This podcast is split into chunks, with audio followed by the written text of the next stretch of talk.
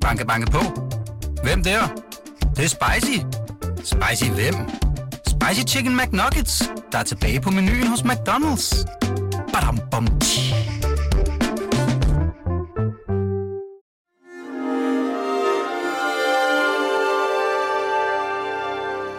Du lytter til Weekendavisens hjemmeskole.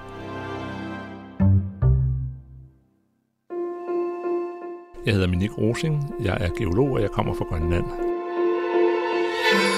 Jeg skal nu fortælle historien om forsvundne dagbøger, hvordan det er at komme fra sent til sit skib og se det væk, bo i en hytte i tre år og sidde og læse gamle aviser, og det at opdage et billede af afgangsklassen fra husholdningsskolen i Svendborg.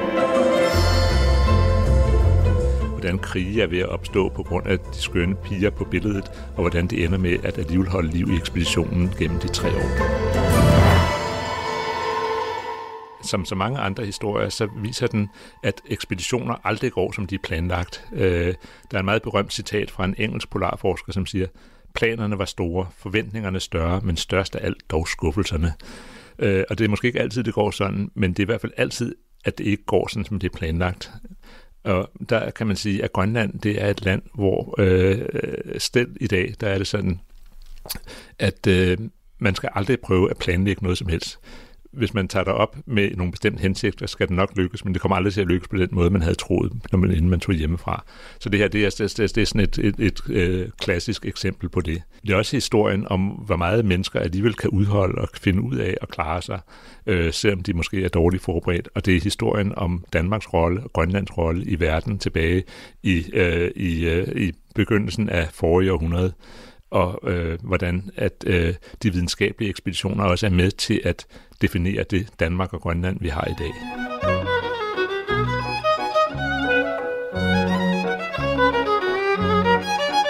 Historien begynder, som alle andre, øh, næsten alle andre polarforskerhistorier, med at nogen bliver væk. Det er på Danmark-ekspeditionen, der er tre deltagere, blandt andet Mylius Eriksen, som er ekspeditionslederen, og Høge Hagen og Jørgen Brøndlund, de, de tre, de forsvinder øh, på en mission på hundeslæde, hvor de er op og øh, laver kortlægning i området meget langt nordpå i Nordøstgrønland. Og de når som sagt ikke hjem til, til ekspeditionsskibet og, og er mistet. Øh, man finder Jørgen Brøndlund, øh, øh, og øh, øh, man finder hans dagbøger. Men de to andre ekspeditionsdeltagere er stadigvæk forsvundne, og blandt andet deres dagbøger, som jo er det egentlige formål med hele ekspeditionen, hvor man skal have kortlagt Nordøstgrønland, så man kan få lukket hele Grønlandskortet og gøre hele Grønland til en dansk besiddelse.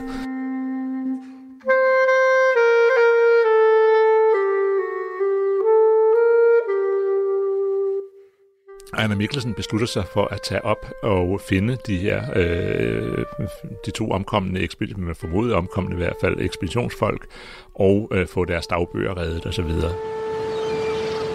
På vej over Atlanten, der sker det, at Ejner Mikkelsens øh, ekspeditionskompagnon, som skal med på den her øh, øh, slædetur, øh, øh, bliver syg.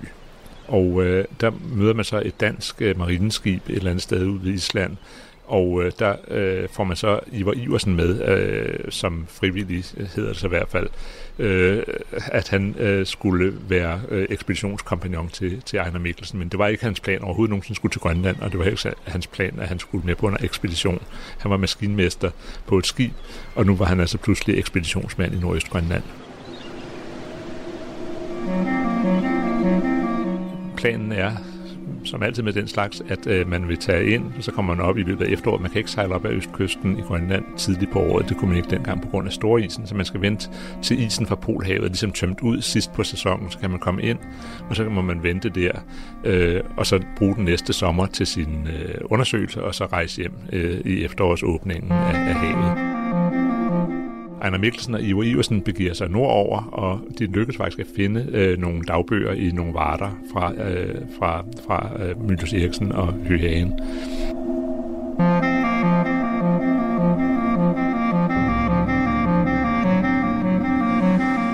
Der, der er en, en meget, meget klassisk udsendelse med Ejner Mikkelsen, som fortæller, Ejner Mikkelsen var, var sådan meget flamboyant og var, øh, meget, havde en stor grad af tilstedeværelse.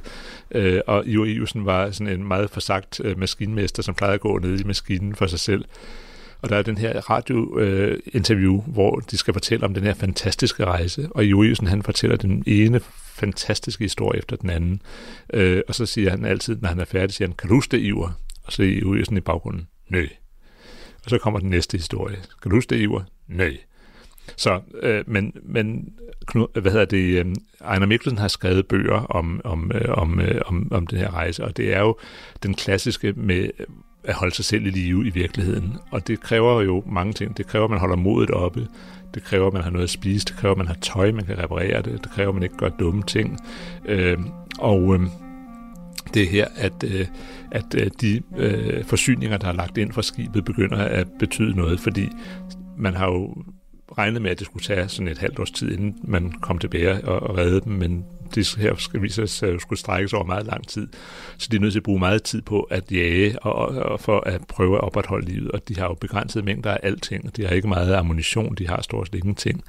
Der er historier om, hvordan at de prøver, at øh, når de er afsted på de her ture, så har de te med, men det er jo de samme teblade, de har brugt øh, altså måned efter måned. Så hver gang de har lavet en kop te, så tørrer de bladene, og så putter de dem tilbage i en dåse og en anden nat, så er der en af dem kommer så til, ved en fejltagelse til, at, øh, at øh, de har også en dåse, så de ikke skal ud om natten, hvis de skal tisse.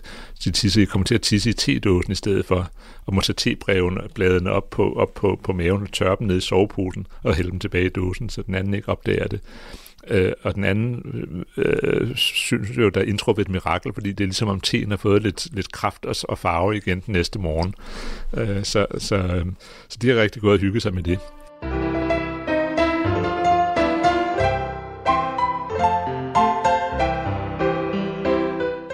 Der sker jo også det, at de har de her aviser, som deres konserves er pakket ind i. Og man har, dengang havde man også tit øh, et, en årgang aviser med på ekspedition, så tog man en ny hver dag. Det var lige meget, om det var et år gammel, jo sådan set. Det, det, var, det var ligegyldigt.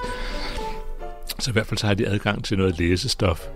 Og på et tidspunkt, der falder de så over en øh, lille artikel øh, fra, fra et eller andet fynsk dagblad, øh, som viser afgangsklassen fra husholdningsskolen i Svendborg, og det skal vise sig at blive noget nær skæbnesvangert for dem. For der står så alle de her sådan, øh, 20 dimittenter fra, fra, fra husholdningsskolen i al deres frodighed. Ejner Mikkelsen og Jori sådan, de øh, er ved at omkomme af, af, af begærlighed, da de ser de her sådan, øh, dejlige fynske bondepiger. Øh, så øh, men de har også en rangorden i deres ekspedition, og Ejner Mikkelsen, selvom det kun er de to organokker, som går rundt deroppe, så har han altså en, en, en, en, en helt klar øh, regel om, at han skal tiltales kaptajnen. Øh, så Jo Iversen og kaptajnen, øh, de, øh, de fordeler sig de her piger mellem sig, og øh, det ender selvfølgelig med, at Ejner Mikkelsen han får de, de 19, og Juliusen han får, han får den, den, den til overværende.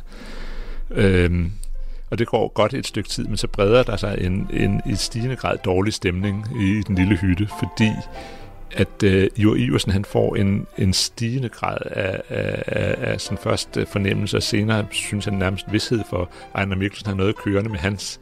Øh, og det er jo fuldstændig urimeligt, især i betragtning af, at Ejner Mikkelsen har alle de andre. Øh, så det er ved at opstå en, en, en, en, en, altså en, en dødelig fjendtlighed over det her. Øh, og nu skal jeg ikke være helt sikker på, om det er samme, men de har i hvert fald i løbet af det her tid, hvor de går hinanden i stigende grad på nerverne, der er de så også nået frem til, at det er nok klogt, at den ene af dem har riflen, og den anden har ammunitionen sådan at de, hvis der er noget, der skal skydes, så skal de begge to være enige om. Det er sådan lidt ligesom atombombe-knappen, du ved nok, at øh, der skal være to, der, der er enige om, at det nok er en god idé at udslette verden, før man gør det. Og det øh, har de altså også lavet den her overenskomst, så den ene har patronerne i lommen, og den anden har riflen, så ikke den ene skal skyde den anden. Men hvorom alting er, så lykkes det dem altså jo at holde, holde modet oppe øh, ved alle de her ting, og også faktisk at holde, holde liv i sig selv, hvilket er, er, er fantastisk, fordi alene i tre år øh, på, i Nordøstgrønland, det er altså stejlt op ad bakke, vil jeg sige.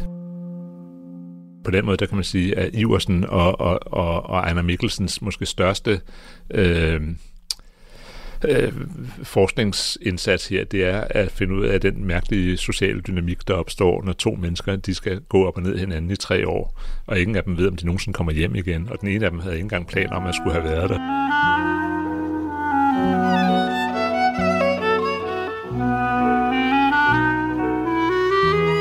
Så efter, efter tre år der i, i 1912, der kommer der så en norsk sælfangerskib øh, forbi, og det lykkes dem at komme hjem.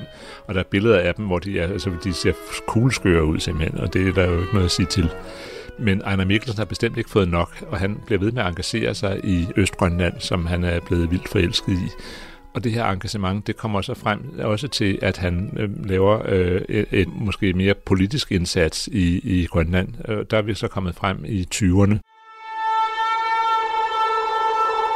Norge, øh, som jo var øh, blevet øh, selvstændig dengang Gisse kom hjem fra Grønland i, øh, der i, efter, efter Napoleonskrigene, og en af de øh, ting, som optager nordmændene på det tidspunkt, det er, at i det gamle dobbeltkongedømme Danmark-Norge, der var Grønland egentlig en del af, af Norge. Og øh, ved den her fred, øh, som øh, i 1914, der øh, blev så Grønland overført til Danmark, og nogen mener som en eller anden form for reprimande, en slags straf for at ikke have opført sig ordentligt øh, øh, under Napoleons krigene.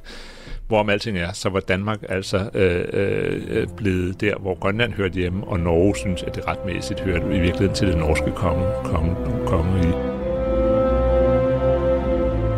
De kunne godt se, at der var danske øh, kolonier på hele vestkysten, men Nordøstgrønland var ubeboet. Øh, så Norge øh, øh, havde, altså man havde faktisk en regeringskommission, som skulle finde ud af, hvordan man fik fingrene i, i, i, i Nordgrønland, Nordøstgrønland. Så Norge besluttede sig for at besætte Østgrønland, Nordøstgrønland, og man øh, gik i gang med at bygge norske stationer og så videre i Nordøstgrønland, og man kaldte det Erik Raudesland, altså øh, Erik Rødes land, efter den gamle nordbo øh, Erik Røde, som, som, øh, som i sin tid opdagede Grønland fra Island de her sådan, øh, to lande, som jo var, var på mange måder meget, meget, meget nært knyttet og forbrødret, havde en konflikt over et stykke land i Grønland. Og øh, Danmark indklagede Norge for den internationale domstol i Haag øh, for deres besættelse af Nordøstgrønland. Men det andet, man gjorde, var at man lavede en masse forskningsaktiviteter i Grønland. Så man havde treårsekspeditionen der tilbage i 1930'erne også. Man havde øh, Ejner Mikkelsen, som i 1925 etablerede den by, der nu hedder Dokkoromit, eller Skorsbysund i, øh, i øh, Nordøstgrønland, som er den eneste by i Nordøstgrønland. Og det er jo, en, kan man sige, det var måske både noget, der havde at gøre med øh, at få bedre udnyttelse af fangstressourcer, hvad ved jeg, i Østgrønland med en stigende befolkningstal og sådan noget, men, men det var i meget høj grad også selvfølgelig, fordi at det var en måde at øh, manifestere den danske suverænitet over øh, Nordøstgrønland.